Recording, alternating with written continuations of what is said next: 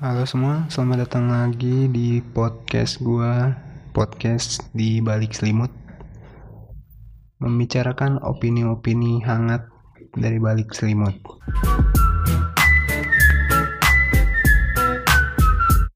Ya, di podcast kedua gue ini, hmm, gue mau membahas seputar ya lingkungan kehidupan gue.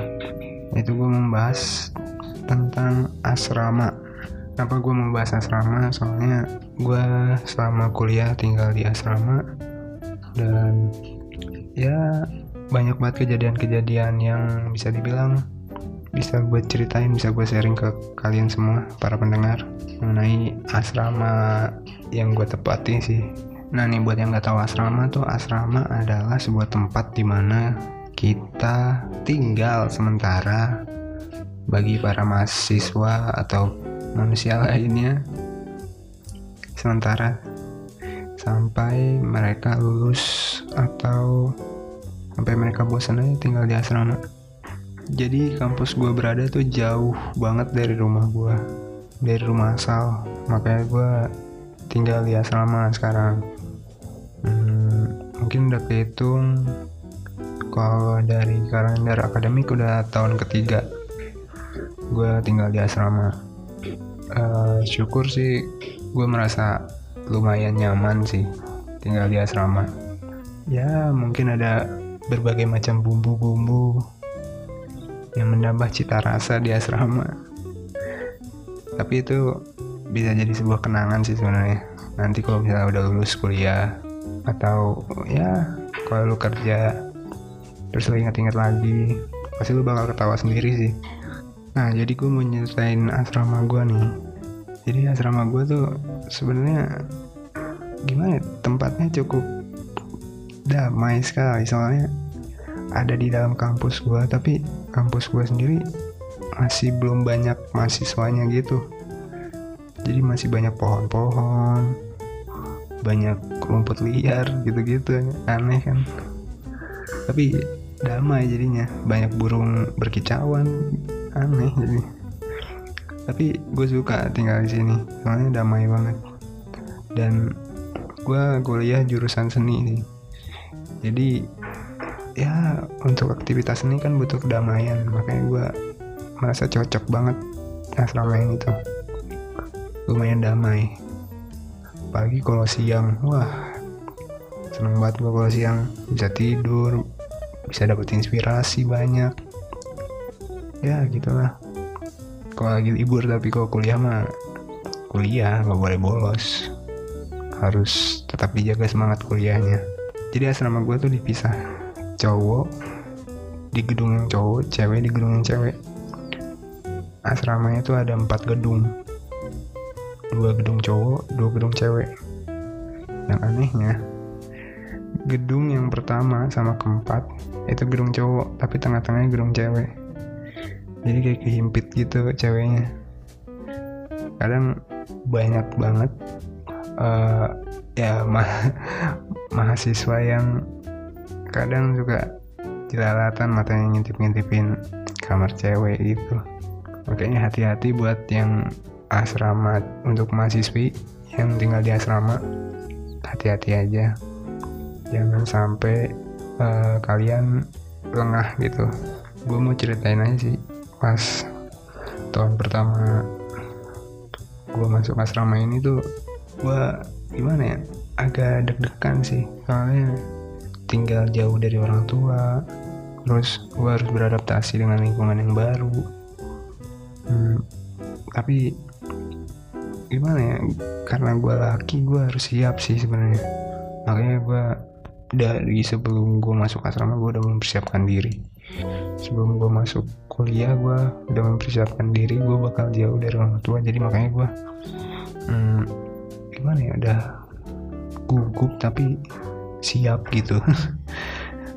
Tapi pas pertama kali gue masuk asrama kamarnya anjir luas banget sih.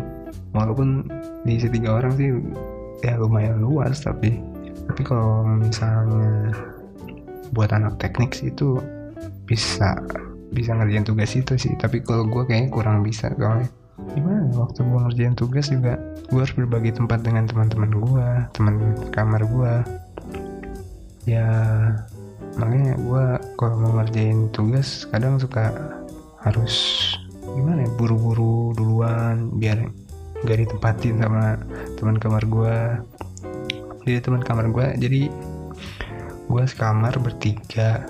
Nah dua-dua tiga tiganya itu termasuk gue jurusan seni semua. Jadi buat ngerjain tugas juga barengan jadi bingung. Terus satu kelas juga kan ya gimana akhirnya gue harus buru-buru gue harus lebih awal ngerjain tugas. Tapi lama kelamaan masuk semester 2 gitu. Ya waktu berlalu gue jadi males ngerjain jadi tapi tetap on time sih walaupun deadline dikit. Ya tetap dikumpulin dan hmm, seneng aja gue terus gue bisa kenalan sama ya bisa dibilang gue berteman dengan orang asing jadinya. Bukan dari kota gue bukan dari lingkungan gue gue harus menyesuaikan lingkungan baru yang hmm, gimana ya? Butuh banyak tantangan aja sih sebenarnya jadi teman sekamar gue tuh dari Garut. Dia dia anak Garut. Terus satu lagi sebenarnya awal masuk asrama tuh satu lagi dari ini juga. Sama dari kota gue juga. Cuman beda beda ini aja beda lingkungan. Makanya gue harus beradaptasi. Ya kadang suka berantem bla bla bla. Banyak banget sih bumbu-bumbunya terus masuk ke tingkat dua wah sebenarnya gue nggak mau bisa sih cuman sebenarnya diacak ternyata. Setiap tahun tuh asrama kamarnya diacak. Jadi gue ya harus beradaptasi dengan manusia yang baru lagi dengan orang-orang yang baru lagi. Tapi gue suka sih dari situ gue bisa jadi pribadi yang tangguh gitu bisa cepat beradaptasi bisa cepat berteman dengan siapa aja. Dulu gue sebenarnya orang yang ya malu gitu. Malu banget gue tapi akhirnya makin sini makin sini mungkin gara-gara gue masuk asrama jadi bangkit lagi. Beranian gue bangkit. Rasa ingin berteman gue bangkit.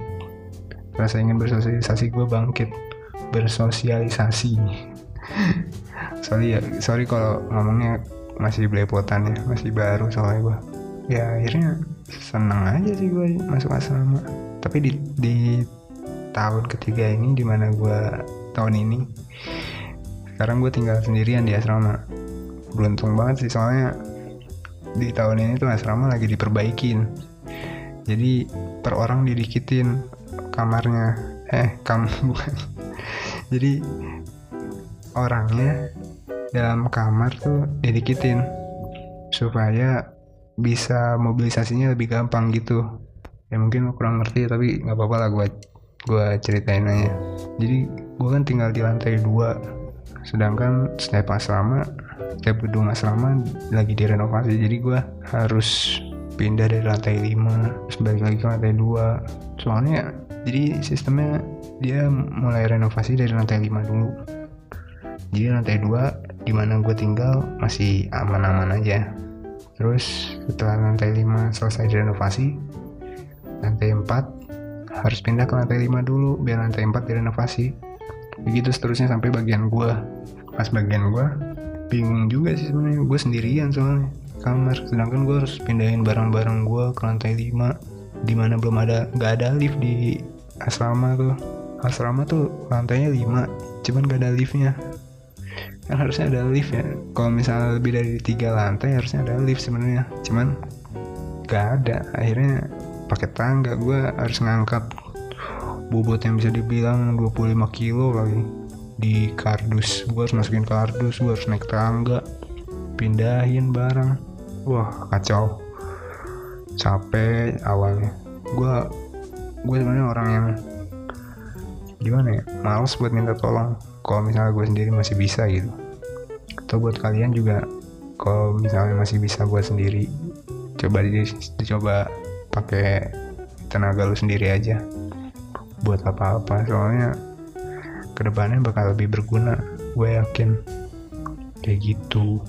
Nah tapi ada untungnya juga kalau asrama sendiri lo bisa tenang lo bisa bebas bisa joget-joget di kamar nggak ada yang ngeliatin nggak ada yang ini nggak nggak ada yang malu melihat lu gitu. Nggak lu juga nggak malu joget-joget.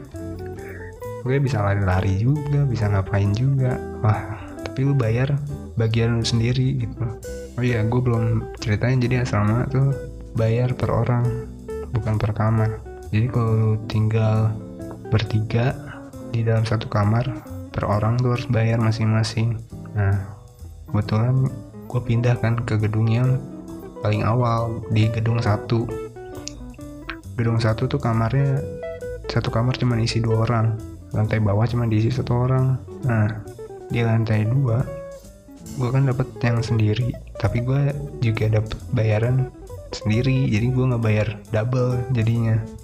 Gue beruntung banget jadi senangnya asrama sendiri tuh ya kayak gitu bebas gue terbilang orang yang senang bersih ya jadi gue bisa bersihin semau gue soalnya waktu dulu pas gue sekamar sama uh, bisa dibilang orang lain kan adaptasinya banyak tuh.